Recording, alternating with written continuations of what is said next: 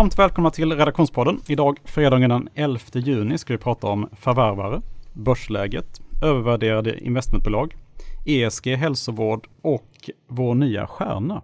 Vi som sitter här idag på redaktionen är Per, Jesper, Martin, Ludvig och Karl. Vi kanske ska börja med att presentera vår nya stjärna.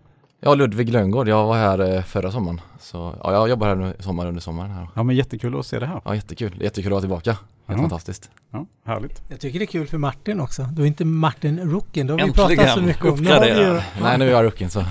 Men det är kul ämnet. Ja, vi har fått eh, njuta av en eh, skön uppgång på Nasdaq här sista dagarna eller veckorna. Men det är många som tycker att börsläget är lite osäkert. Eh, Jag vet att du Jesper har, eh, du har intervjuat många och många har frågat dig vad, de, Det är vad, lite, du tror börsläget istället för det är lite. Ja, jag har träffat och pratat med onaturligt många förvaltare senaste tiden. Och det slutar alltid med att man har, förutom intervjun, en ganska lång diskussion före och efter intervjun. Det slutar alltid med att man sitter och surrar lite grann. Och då är det, slutar det väldigt ofta med, men du, vad säger de andra förvaltarna? Mm. Vad hör du för någonting? Vad är det för trender? Liksom? För, eftersom man får en ganska bra konsensusbild när man eh, pratar med så många. Så att, och det tolkar jag som att eh, människor letar lite riktning. Mm. Man vet inte riktigt, ska vär, liksom den här rotationen fortsätta? Ska det bli hälsovård? Ska det bli det? Är det hela den här biten söker människor extra mycket efter. Och det är väldigt roligt, tycker jag. Vad, vad brukar du svara då? Vad har du svarat den sista veckan? Man kan väl säga, och du- du nämnde ju några pengar, man kan väl, om man ska liksom, jag skulle nog säga att majoriteten känner nog ändå att det ska vara någon form av fortsatt rotation, generellt sett. Däremot så är det alltid så när det sker sådana här stora rotationer att man, man drar liksom alla över samma kam. Eh, och det kanske vi kommer ur lite grann. Det vill säga de techbolag som de facto är riktigt bra kanske inte dras med en gång till. Eh, och, och, så att dessutom är det så här om man tar då ESG som du nämnde som exempel. det- Då, då var det verkligen fram till december förra året. Då ville ju alla skicka fram hållbarhetsmänniskor i intervjuerna. Ah, vi måste prata hållbarhet. Sen dog det. I fem månader var det helt borta. Jag har inte fått ett mail från någon sån här fondförvaltare som vill prata eh, liksom ESG. Vilket kan ha att göra med att det har gått dåligt. Det syns ju verkligen i Ja. ja. Det är- Men för några Mm. veckor sedan eller två, då börjar mejlen dimpa ner igen. Och nu har jag fått jättemånga förfrågningar om att man vill lyfta fram sina hållbarhetsprofiler. Vilket är en, eh, hälsovård är en annan sån grej. För ett par veckor sedan, vill, eller från, säg från en, kanske till och med två månader sedan så har ju, märker man att där surras det jättemycket och många som vill lyfta fram sina hälsovårdscase och, och så vidare. Så att intresset för hälsovård har jag märkt av har ökat sista tiden. Eh, sen är det givet så att värdeförvaltare har ju, de har ju liksom efter tio års motgång som någon av dem sa, så har vi egentligen vädrat morgonluft liksom. Vill du snacka? så att, ja, men det är lite kul att se de där trenderna. Det är väl det som förvaltarna också frågar mig vad de ser. Och Men, men jag tänker när de vill prata om det då har de väl redan köpt det förmodligen? va? Ja, det är väl, det får man väl Får man eh, utgå ifrån. utgå ifrån. Ja. Eh, Men, men slutsatsen är väl ändå att jag känner att det är ganska många som är ganska osäkra. De kanske inte vågar riktigt slå ner foten, liksom, att nu kör vi den här riktningen. Eh, Det, det är min känsla att det är så i alla fall. Jag Att tycker det- har ju varit påfallande lugnt också de sista veckorna Ja, på, precis. på börsen. Vi och många andra tänkte väl i maj att nu kommer det bli en stökig period och pratade vi om för några poddar sen. Eh, och som då så ofta blir så blir det ju tvärtom mot vad man tror. Jag, jag kollade på, Stockholmsbörsen bara hur eh, dagsutvecklingen har varit och det var, jag tror det var i tisdags eller onsdags var det upp 0,3 procent. Det var den vildaste dagen hittills den här veckan. liksom 0,1, 0,05. Så det är verkligen helt riktningslöst i nästan två veckor. Ganska Eh, skönt. Ganska skönt, men det brukar ju inte vara otroligt långa perioder när det går sidledes på börsen. Utan antingen är det ju rätt så rejält upp eller rätt så rejält ner. Så att eh, om det är omen om att det laddar för ett utbrott åt något håll Sen- eller inte. vi, jag tror vi pratade om i förra podden det här att människor blir lätt irriterade eh, när man har en annan åsikt Mm. om en aktie. Det, så har det varit ganska länge, men nu känner jag att det kanske är lite ännu mer lätt irriterat. Jag menar, de som har intervjuer som har fått störst negativa reaktioner som jag gjort sista tiden. Det är dels hon, eh, jag tror hon är investeringschef på Skagen som sa att äntligen så är liksom fundamenta tillbaka. Och, och liksom det är riktig analys som gäller och inte bara spekulation. Det var ju liksom oj oj oj, då rasslar ju mejlen in. Men också när Nisse Brobacke körde sin negativa tekniska analys på att börsen ska ner, då var det också liksom herregud. Och, och det där är också en sån här, jag tycker ändå man ska oroa sig lite för när det är människor blir liksom lättretade för någonting som är fullständigt naturligt. Att man har olika åsikter. Det är ju hela, som vi har sagt förut, det är ju hela poängen med den här börsen. Eh, men, men, det är lite, många tror jag letar riktningen. Mm. Mm. Får även om index går sidledes så är det ju inte så att enskilda aktier Nej, går sidledes. Utan det, det, händer det finns alltid bra eh, aktier att köpa oavsett hur marknaden ser ut. Och även om inte marknaden rör sig så, så rör ju kapitalet sig och det rör sig in i bolag. Det är ju ja, näst, ja, nästan varje dag efter börsens stängning så är det något bolag som aviserar en riktad emission. Mm. Det är två, tre besked om nya börsnoteringar varenda dag nästan. Mm. Så det är uppenbart väldigt många som vill ut på börsen innan fönstret eventuellt stängs då eh, inför ja. semestern. Och det går fort. Det går fort. De här placingarna, de, det går jättefort. Precis, Många emissioner sista tiden har det varit. Några samtal till mäklardeskan och sen så är ett par miljarder inhovade. Så att, uh, ja, det är galet. Mm. Härligt. Men jag såg det, apropå det här med lättirritation. Jag, jag tror var, var det Christer Gardell som är ute i DI och snackade med Gabriel Mellqvist om spekulationer. Så började han kritisera kryptovalutor och spackar. Åh herregud. Då var det så, han kan ju ingenting, han har ingen erfarenhet av det här och så vidare. Det, alla har vi olika åsikter. Det är det som gör det kul. Exakt. Det är det som gör det här så himla roligt. Mm. Tycker jag i alla fall. Ja, det skulle vara skittråkigt annars att leva lite. Ja. Mm. Livet på börsen. Men eh, apropå det här med att det är lätt att få in pengar och sådär. Eh, Martin, du eh, har kollat lite på investmentbolagen. Det har jag, inte djupdykt, men jag fastnade för, väldigt mycket för en siffra som jag såg i veckan, nämligen att industrivärden nu inte längre handlas till rabatt utan till premie. Det är ovanligt va? Det är väldigt ovanligt, mm. om det ens har hänt. Jag vet inte, det kanske det har gjort historiskt. Men, men eh, Industrivärden är ju ett bolag som inte har några onoterade tillgångar utan bara börsnoterade bolag i portföljen. Och de har ju i princip inte gjort speciellt många moves överhuvudtaget de sista tio åren. Nu sålde man ju SSAB nyligen. Eh, men jag tycker det är fascinerande att till och med ett bolag som Industrivärden då kan ha en, en premie. Eh, och det finns ju många andra bolag som Latour och de här som har sen tidigare en, en hög premie. Och där kanske det är mer motiverat om man har en, en stor del onoterat eh, och så vidare. Men lite varningssignal tycker jag det är att i en effektiv marknad så ska ju inte ett investmentbolag med noterade tillgångar som inte gör så mycket ha en premie för då, ska man ju, då kan man ju blanka och köpa, eh, köpa investmentbolaget och blanka eh, portföljen eller tvärtom för att, för att det ska jämnas ut så att säga. Och en anledning är ju förmodligen det här otroligt stora intresset för fonder som investerar i investmentbolag. Eh, jag tittade på vilka som var de mest populära fonderna på Spiltan Avanza. Exakt, Spiltan, mm. mm. Spiltans investmentbolagsfond.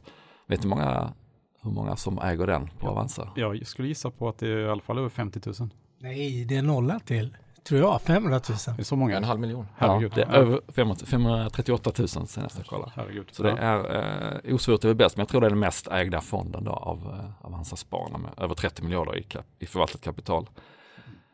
Och om man tittar i en del av de här investmentbolagens ägarlistor så ligger då Spiltan väldigt högt upp.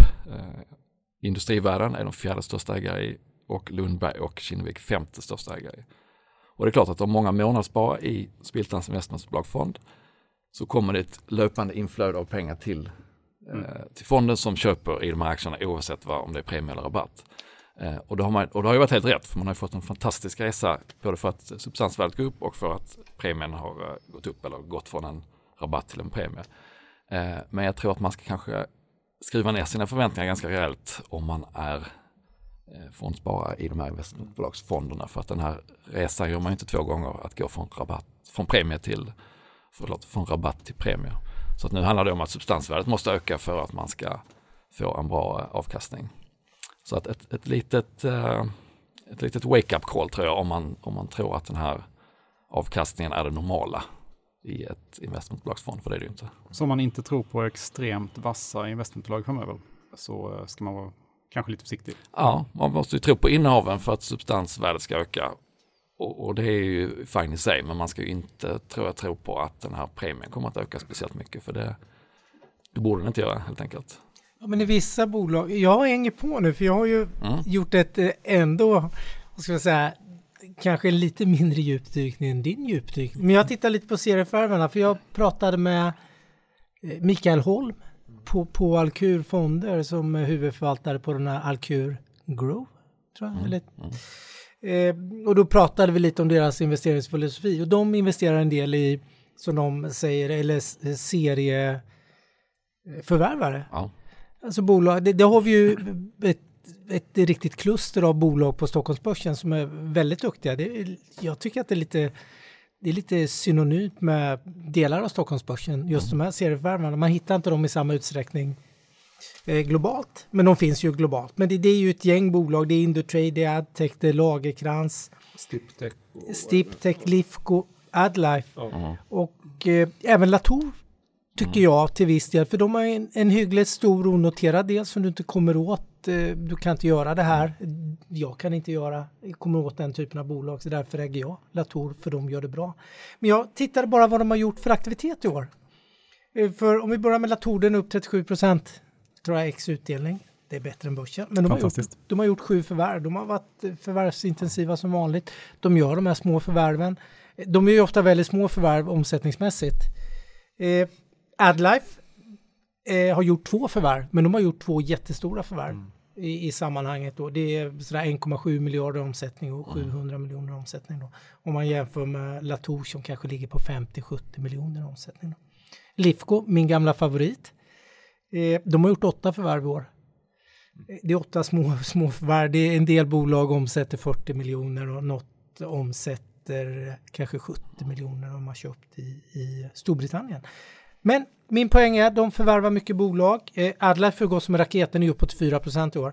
Eh, medan Lifco har gått som Stockholmsbörsen i genomsnitt knappt 20.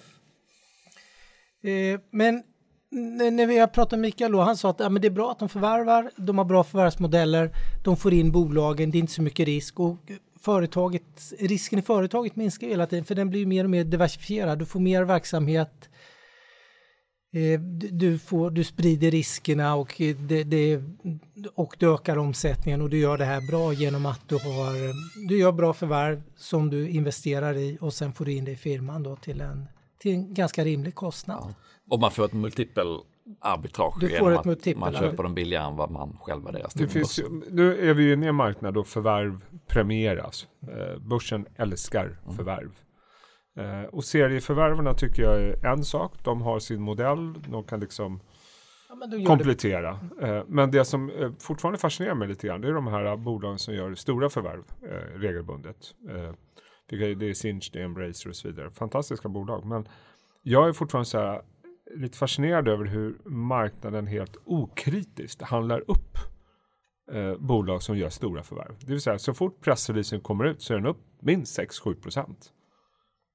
Och då, då, det, det gör mig lite nervös. För jag undrar hur många är det som egentligen har satt sig in i det här förvärvet. Kolla på de långsiktiga effekterna på kassaflöden, på skuldsättning, vad vet jag, goodwillposter och så vidare. För det kommer jag ihåg när jag följde Getingen förr i tiden. Det var ju liksom, det var ju en veckas arbete. Man fick liksom stansa siffror och kolla. Och eh, ofta så gick inte kurserna på det köpande bolaget upp så mycket på den tiden. För det var liksom Det skuldsättning. var väl nästan så att de gick ner ofta. Ja, för det var liksom- risken med att... eh, Och, Att och, de och det var dessutom historiskt väldigt många som eh, premierades på sikt och gick bra. Getinge, Gambro, Securitas och allting. Men de stora förvärven var det alltid något som gick snett Mm. längre fram. Och då kunde det ta jättelång tid att återvinna förtroendet. Men ja, det är liksom, så fort det kommer ett stort förvärv så går kursen upp 6-7 procent.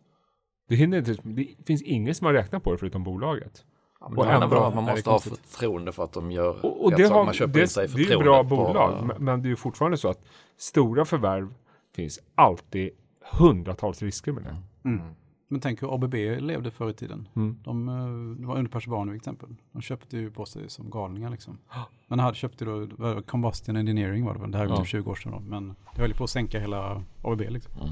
Så att, eh, ja, men det är ju det, är liksom tidens tecken på något sätt. Att vi är i en marknad Mm. där räntemiljön ser ut som den gör och så vidare. Att det, det premieras. Och det, Ja, men med noll ränta så blir ju värdeskapandet inte så otroligt stort om man kan lägga till ja, visst. tillväxt Och det som är lönsam dessutom. Det, Ja, det är som sagt det är ju bra bolag och, och så vidare. De har visat tidigare att de kan Mm. göra bra förvärv. Men det kunde även, det visade även Geting och Gambro på sin tid. Att de kunde göra bra förvärv. Tills de inte gjorde det längre. Och, och då blir det jobbigt. Ja, det är väldigt positivt tolkningsföreträde, något annat. Ja, så är det. kan man knappast säga. Det är lite som man spelade här eh, när man var yngre, eller barn spelade man det här spelet Finans om du minns det.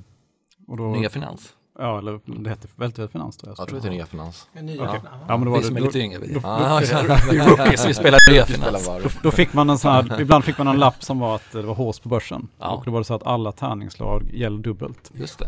Och lite så är den marknaden är vi just nu Ja, också. precis. Gör man någonting bra så blir man dubbelt belönad. Dubbelt belönade, precis. Ja, men ap- apropå att man köper in sig i förtroende för någon, det är ett annat tecken på det tycker jag är eh, spackarna. Då har vi, fick vi ett tredje skede med ett tredje spack på väg in här, Creades. Eh, och de, den eh, Bure spack handlas ju på en 7-8 procents premie och det kommer säkert bli en, en bra notering för Creades också. Det man köper in sig där är ju en påse pengar och ett förtroende för att Men varför de ska göra köper man inte aktier i Bure och Creades då, då? Om man har så högt förtroende för dem? Ja, men de hade väl kanske inte kunnat göra Nej, nej, den men det- storleken på affär utan Ja men så är det Utan, förmodligen. Men, men jag tycker fortfarande liksom Ja det är så himla högt förtroende för Bure och Creades. Ja men köp aktien då.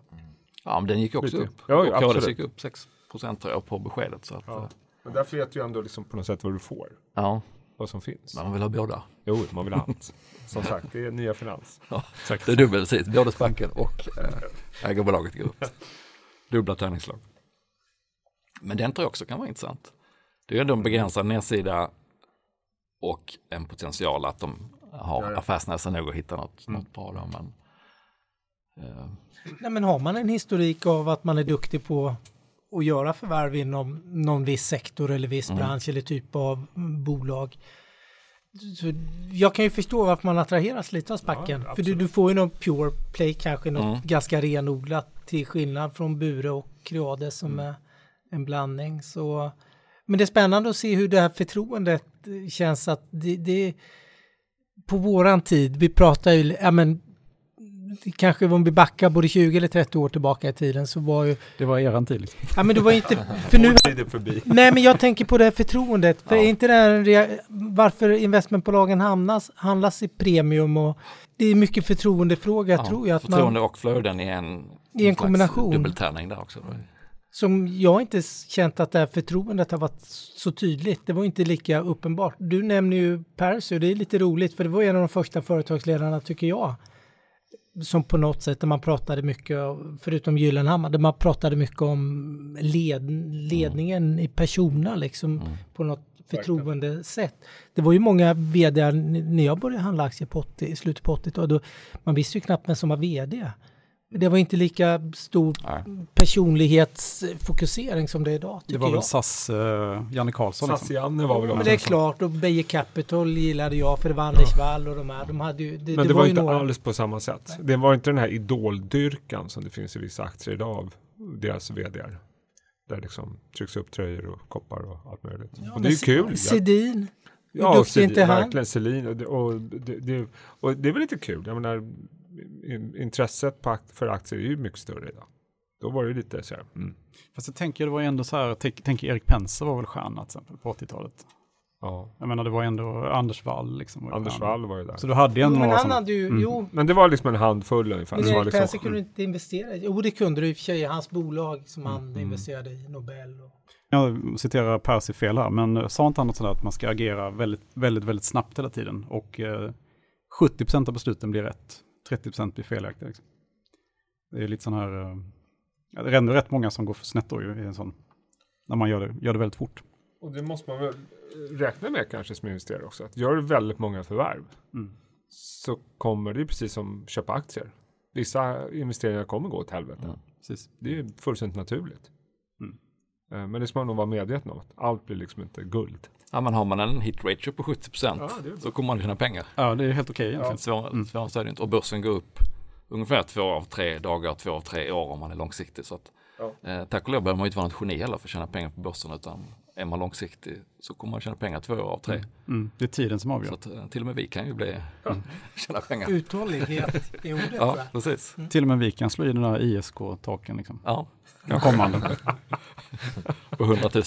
ja, det. Jo, men Ludvig måste ju Ja, prata om sina... måste- Ja, vad ska jag... Vad, ja. Ludvig, du har ju, eh, Du har ju skrivit massor. du har skrivit massa här, men eh, hur ser det ut i din egen portfölj? Jo, jag har eh, mycket investmentbolag faktiskt. Fast inte någon får sån man som- gratulera. Ja, så det var gått bra. Jag har Investor och så har jag Det är du som ligger och trycker upp. Ja, jag lägger och trycker upp dem hela tiden. Liksom. Nej, men mitt favoritinvestmentbolag är nog VNV Global just nu, tycker jag. Och varför det då? Den har typ substansrabatt, dessutom inte någon premie på den och det är en helt onoterad portfölj. Hur mycket är rabatten då? Ungefär. Den var högre innan, den har gått upp lite nu de senaste dagarna, men kanske runt 10% Okej. nu. Mm. Den hade sin premie i vintras, gjorde den. När det, här med, det kom lite rykten om att Babylon skulle börsnoteras. Just det. Och nu har det kommit ut att Babylon ska ju börsnoteras. I en spack eller? Ja, i en SPAC. Mm. Som VNV, det är VNVs största innehav som typ kanske är 30% av navet. Mm. Eh, Så det kan nog vara lite uppsida där på, alltså nu i höst då. Mm. Eh, Och sen gillar jag det här med att de arbetar med nätverkseffekter. Eh, Hitta bolag som eh, kan bygga höga intressebarriärer. Så på sikt kan det nog bli riktigt bra. Och sen håller de på med mycket i emerging markets och sånt där. Så det är, inte, det är liksom global portfölj, inte så mycket svenskt. Eh, Så det är intressant. De har ju även Voi har de, eh, BlaBlaCar och massor med så här små bolag i en mindre del av portföljen som är mycket mindre som ligger och puttrar där liksom som kan bli hur bra som helst. Men det är lite mer tillväxt. Eh, sen gillar jag väl Unity också gillar jag. Som vad, är, vad är Unity för något? Ja, det är en spelmotor, de gör en egen spelmotor. Så stora spelföretag liksom som eh, Take-Two Interactive de här, de gör sina egna spelmotorer. Och det kostar ju jättemycket pengar eh, och utvecklare och det, Vad, Ja. vad, vad är en spelmotor för något? det, är, de, det är där du liksom programmerar spelen och gör spelen i. Okej. Spelföretagen gör det. Eh, så de har en egen sån som de har som en SaaS-lösning då, som du, små spelstudios kan ja, prenumerera på då, den tjänsten. Eh, så den, blir, den produkten blir bara bättre och bättre och de utvecklar den. Och jag, jag tror att det kommer gå mer och mer över till att man inte gör sin egen spelmotor längre. Att eh, man använder Unitys eller Unreal då som är eh, ja, en konkurrent då. Eh, och här kommer också in lite nätverkseffekter för Unity hjälper ju till de här spelvecklarna att marknadsföra spelen. De här små spelvecklarna, för det kostar ju oerhört mycket pengar att marknadsföra ett spel. Så ju mer data de får så kan de sätta bättre marknadsföring till spelvecklarna. Så det bygger ju en moat typ. Mm. Så det är intressant. Men det är, de går ju fortfarande liksom med förlust och de investerar ju bara mer och mer. Så det är ju rent kassaflöde bara som går ur liksom. Men det kan nog bli bra på sikt tror jag. Mm. Så det är Det är intressant. superspännande. Eh, Var inte det ett av de här bolagen som din, din, din intervjuperson Louise Sammet pratar varmt om också? Jo, hon gillar Unity väldigt mycket. Ja. Och Hon är duktig. Så Mm. att, eh, Fast de är två duktiga som gillar Ja, aktien. ja, det får vi se. Men de, de har ju inte är gått så bra. Mm. Ja, och de har inte gått alls bra liksom. Jag ligger ju back på dem. Och värderingen är ju hög, som allt annat. Okej, så VNV och Unity. Vad har du mer då? Matchgroup som jag skrev om, Just det. eh, som har Tinder eh, och Match.com. Det måste väl vara stå inför någon uh, jätteuppgång nu när pandemin Ja, ebbar ut? de, de snackar liksom om det, han vdn, om eh, The Summer of Love kommer nu. Liksom. Precis. Mm. Har du egen erfarenhet? Ah, nej, inte direkt, inte riktigt så. Men vi får se. Men det, jag tycker, Ja, här Det- får vi summera i slutet på sommaren. ja, vi får ta det i slutet av sommaren. Men det är intressant tycker jag. Det bygger också så här starka nätverkseffekter där också liksom. Och höga marginaler, rörelsemarginaler på 30%. Så ja, det är väl lite bolag jag har. Sen har jag. Förra året minns jag att du handlade Facebook. Ja, det gjorde jag. Nej, jag har inte kvar dem tyvärr. Okej. Jag blev lite, fast det är också ett intressant bolag. Jag gillar dem också, de är ju lägre värderade också. Fast de har ju den här politiska risken. Fast de har inte lyckats rubba Maersk Group, de har ju också startat en sån här dating-sida. Och de har ju inte alls lyckats med den liksom. Det är ju i princip omöjligt att... Intressant, man vill inte blanda de profilerna kanske. Man Nej, det vill liksom inte ha ett gam- alter ego på Tinder också. Nej. Sig själv på. Du vill liksom inte ha gamla bilder på dig när du är 12 år liksom på Facebooks dating-sida. Det är liksom konstigt. Då blir man singel. Ja, då blir man singel. Däremot så kan du och jag använda bilder när vi var typ 25. Ja, det kan vi göra. Lite falsk marknadsföring men Då ändå. kommer, eh, då kommer servrarna gå ner på Facebook. Ja. Nej, men det är, det är intressant. Ja. Jag är ju inte Facebook-användare då. Nej, Så att jag har dåliga erfarenheter. Tinder. ja, det är Tinder då. Eh, nu, är, nu är jag ju gift så jag kan inte kommentera det.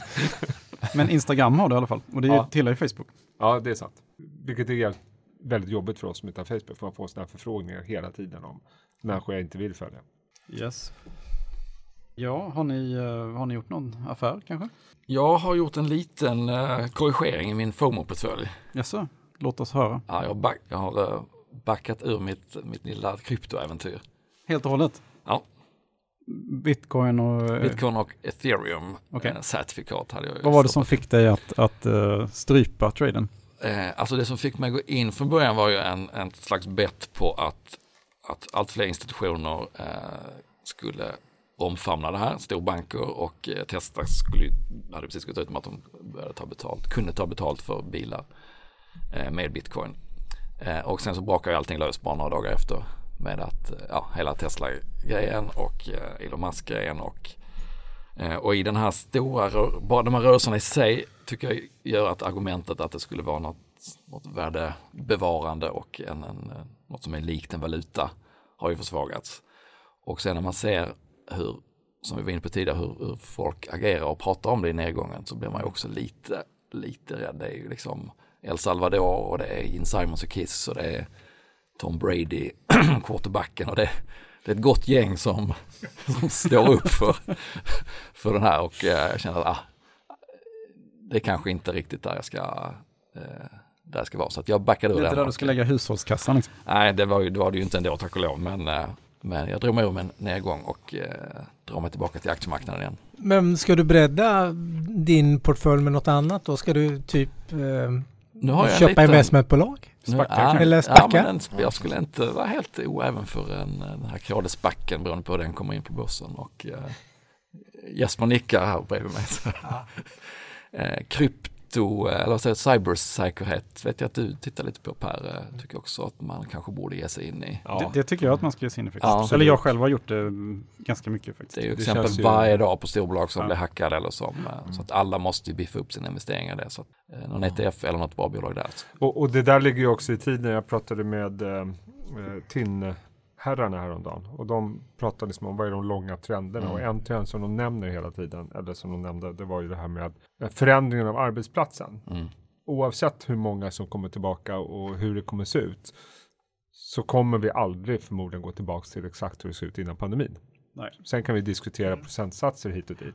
Vilket kommer ju kräva ännu mer krav på inte bara digitalisering men även säkerhet och hela den här biten. Så det känns ju som att det är en trend som den kommer bara rulla vidare och förstärkas eh, på, utifrån arbetssituationen och hela den här biten. För där kan jag känna att det fortfarande finns väldigt stora luckor. Ja. Eh, eller hur? Ja, jag håller med. Och sen tror jag en annan sak som inte, det är 5G. När det kommer Ja, upp, ja, då exakt. kan du, det är så mycket mer data som Ja. kommer, det skapar så mycket mer data som måste vara säkert och allt är i realtid också. Om Ja, om man, kan hacka, om man kan hacka en fabrik eller en bil som, som är självkörande. Då är ju nedsidan så Mm. astronomisk så att pris, vad ska man säga, eh, pricing power för de här bolagen som har bra datasäkerhetslösningar blir ju helt, eh, de kan ju sätta vilket pris de vill nästan om, om de kan skydda ett storföretags eh, verksamhet. Har ni några cybersäkerhetsföretag i portföljen? Ja, jag funderade på om jag Ja, skulle, skulle dra det eller inte. Men jag har faktiskt ganska många cyber, köpt in mig här under flera månader faktiskt. Ja, då ska jag anteckna. Så att jag äger CyberArk, CyberArk Software, som eh, då, eh, ja, det är mycket så här skydda mot dataintrång. Palo Alto, som då är ett gammalt IT-säkerhetsbolag som eh, framförallt då brandväggar och mycket så här serverhallar och sånt där som skyddar. Jag äger McAfee, som, ja det är också brandväggar framförallt. Och Tinable Holdings, som då, det är mycket molnbaserad IT-säkerhet. Och de jobbar framförallt mot hälso, mycket hälso och sjukvårdsbranschen också. Jag äger SailPoint Technologies som eh, handlar mycket om identitetskontroller. Som då är viktigt när man gör på distans till exempel. Sen äger jag, det sista jag äger är Northon, Norton LifeLock som också funnits ganska länge. Eh, och det är mycket Mm. molnverksamhet också. Finns det någon ETF någonting? Det finns det finns- ETFer. finns Det finns fonder också nu. Det En helt nylanserad. Som, Gör det? det, är den som kommer, det är den texten du refererar till som inte har kommit ut. Ja, jag, har hört Ah. det. Ah, Liksom. så vi får Ah, vänta på Ja, den. men den kommer idag. Ja. Så det är bara att hålla ögonen ute. Intressant. För det där, jag tror, jag håller med. Ja. Jag tror att det är en Ja. trend som bara kommer att eh, förstärkas. Det tror måste- tillväxten måste är förstärkas. 13 procent per år Ja. för hela Ja. sektorn. Liksom. Det Och det har börjat skilja ganska mycket uppköp också inom branschen. Så att några av de här bolagen kommer säkert att Ja. gå Vil, samman. vilken av de här du nämnde nu är, är liksom bjässen som kommer att sluka de andra som kommer Alltså Palo Alto är ju störst. De är de störst. Och har de en bred portfölj så att om man, om man bara ska köpa en, är det de man ska köpa eller är det? Alltså problemet är ju att det är ganska spritt. Så att Mm. eh, det är just därför jag har köpt så många då liksom. Det är för- för fragmenterat, med. för det är olika lager på, i, Ja. på cybersäkerheten. Man kan fem, sex olika lager vad man vill skydda Ja, databas det finns eller jätte- Det, det, finns, det är väldigt komplext. Mm. Så att jag skulle nog handla Allt. Du har byggt din egen lilla ETF där. Har min egen lite kan man säga. Men, men jag tänker att framförallt då kanske Tinebull och SailPoint är intressanta när 5G kommer framförallt. När det är mycket, mycket mer IoT och så. Mm. Eh, Särskilt Tinebull då. är ju kanske det man skulle, om man ser på tre års sikt kanske, tre till fem års sikt, Mm. så borde den vara väldigt bra. Bara jag lapar in mig tipsen. Mm. Men annars har jag faktiskt inte gjort någonting eh, den här veckan. Jag har njutit av uppgången på Nasdaq och om jag hade haft större kreditlinor så hade jag, hade jag köpt team, tyska Teamviewer faktiskt. För den har rasat ihop ordentligt här. Den handlas till och med under kursen där vi var i pan- pandemilägsta alltså. Vilket jag tycker är helt ofattbart då, med tanke på det Jesper och det vi pratar om nu. Att eh, beteendet har ju ändå ändrats. Man kommer ju inte vara lika mycket på kontoret i framtiden och det kommer ju behöva fjärrstyrningstjänster. Liksom. Just det, det är det Och, och med dessutom är de lön, lönsamma också till skillnad från många andra bolag. Och växande. Eh, Så att den skulle jag slå till på nu om jag hade haft större kreditlinjer. Men sms-lån Ja. Ja, Sms-lån men de har ju till och med P-tal liksom. Jaha, okej. Ja, är- Men kan du inte göra liksom en, kan du inte göra en så här, typ privat företrädesemission eller någonting då? Så att du får in lite mer. Det verkar vara så enkelt. Kan jag pengar. göra en SPAC En och SPAC köpa du göra. Teamviewer? Liksom. Ja, Gör en landspack. Mm. Men du har du tömt ut möjligheten sms-lån för? Jag har inte gått riktigt dit ännu, men ja. Ring Lyxfällan. Men ja, nej jag har, eh, jag, som ni vet, jag letar efter bra hälsovårdsfonder. Jag har ju bland annat ägt eh, Robur Medica, men den går jag ur. För de har, deras förvaltare har slutat. Och de har väl så vitt jag vet ingen, eller jag vet faktiskt inte. Det kanske de har, men jag gillade ju förra förvaltaren. Jag hade ju förtroende för honom.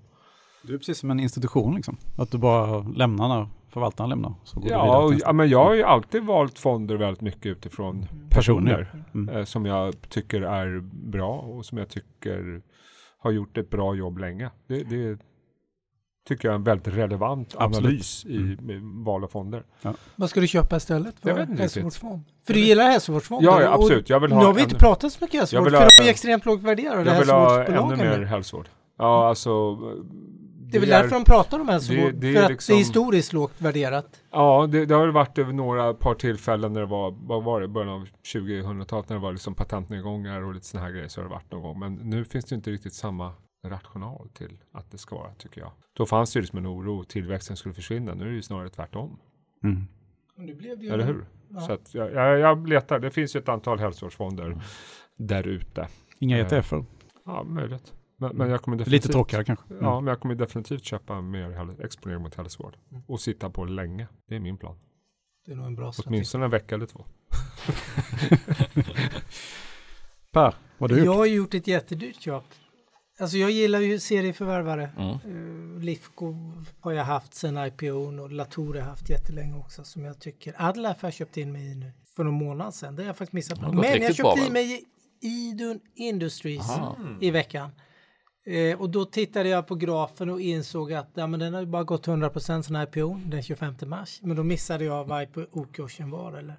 Så den har ju gått 200 procent sedan den noterades. Men de har gjort två stora förvärv efter noteringen som gjordes 25 mars och lämnat en bra rapport. Det är nytt och spännande. Det är mycket kopplingar till gamla eller till Nordic Capital. Det känns som det är väldigt bra management och ägarlistan gillar jag. Mm, det ska bli spännande att följa. Så det är min senaste, liksom, den här serieförvärvar. Jag har en liten serieförvärvardel i min kroppen, portfölj. i Ja, själen. som jag gillar. Jag räknar Nibi dit också, såklart. Jag kan ju lämna Nibi igen. Ja, Eh, inte en podd utan nämna Nibe. Ludvig, vad har du gjort? Har du gjort något? Nej, inte nu i veckan har jag inte gjort någonting men jag köpte Crowdstrike som nu pratar om cybersäkerhet. Eh, så de är ju intressant tycker jag. De har, växer ju jättemycket, 70% tror jag det var year on year. Och bra företagskultur. Man får ju kolla på lite mjukare faktorer tror jag när man kollar på sånt för jag har ingen aning hur tekniken är liksom. Men när jag kollar på några så här, när jag analyserar dem då så kollar jag på liksom hemsidor, vad som är bäst liksom. Och då var ju de liksom bäst kundtjänst, bästa produkten och sånt där. Så Störst bollhav på Ja, jobbet? ja men precis. Ja men typ. Alltså det är sånt man kollar på lite också tror jag. Men självklart är ju produkten viktig. Eh, Så de har jag börjat köpa lite. Fast inte nu i veckan då, det var kanske en- två, tre veckor sedan. men den rörde sig i veckan, för jag äger Ja. Crowdstrike också. Det är den enda jag äger i Mm. cybersäkerhet. Ja, men den är jag spännande. såg att den har Ja, jag tror rört de- sig väldigt mycket, jag tror de- igår. Ja, 6% igår, men jag tror det var på grund av i jag fick en cyberattack där så jag läste lite om det. Så jag tror det var uppgång i hela sektorn kanske till och med. Jag vet inte hur det såg ut för dig Karl, men Jo, men det har varit, Mm. eh, det har det nog varit. Ja, hela precis. ja men då tror jag Mm. det kanske är på grund av det. Men det där är intressant som du säger, att EA, jag missade den, du sa när vi kom in på morgonen, men är det något man spår nu om eh, cybersäkerhet eller hela sektorn så är det att det kommer bli mycket, mycket mer attacker. Och det är fruktansvärt mycket attacker. Det är var 39 sekund är en IT-attack någonstans i världen, så det blir över 2200 per dygn. Det är Ja, för det oerhört som mycket, kommer, men det som det, kommer det, ut är ju liksom bara Ja. toppen av isberget. det är bara toppen av Mm. isberget. Det kommer komma mycket mer sånt. Så jag tror att vi kommer få se mycket sånt i media. Frågan är hur länge det kan driva kurserna. Men det Ja. kan säkert driva det kurserna under någon period i alla Det blir fall. typ hypat liksom, på grund av det liksom. Så jag tror, ja, det behövs ju mycket, mer investeringar i cybersäkerhet liksom, globalt sett. Så jag tror den marknaden kommer ju växa fruktansvärt mycket de kommande åren. Mm. Så det, Nej, det, visst, det, är ju, det är lite som försäkrings, eh, det är en försäkringsbransch så att Mm. säga som eh, ännu inte har, nej. så många bolag har sparat in på säkert, Mm. men inte velat lägga pengar på. Som nu inser att de måste lägga mycket pengar på. Mm. Ja precis, corona typ har gynnat det liksom också. Att Ja, och inser corona att- också Ja, accelererat. det har varit en accelererande, accelererande trenden liksom. Ja. Så det är intressant. Det Hörrni, det är fotbolls-VM också som startar Mm. idag.